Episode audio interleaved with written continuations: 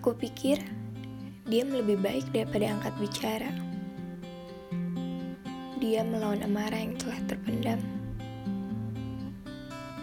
Diam dengan luka yang tak terhingga. Tidak berbicara hingga semua terasa tenang. Diam dengan beribu pikiran tanpa tahu cara mengungkapkan. Terlalu banyak luka yang semakin lama semakin membesar. Tetapi dengan diam adalah cara terbaik melawan ego yang sudah lama dipendam.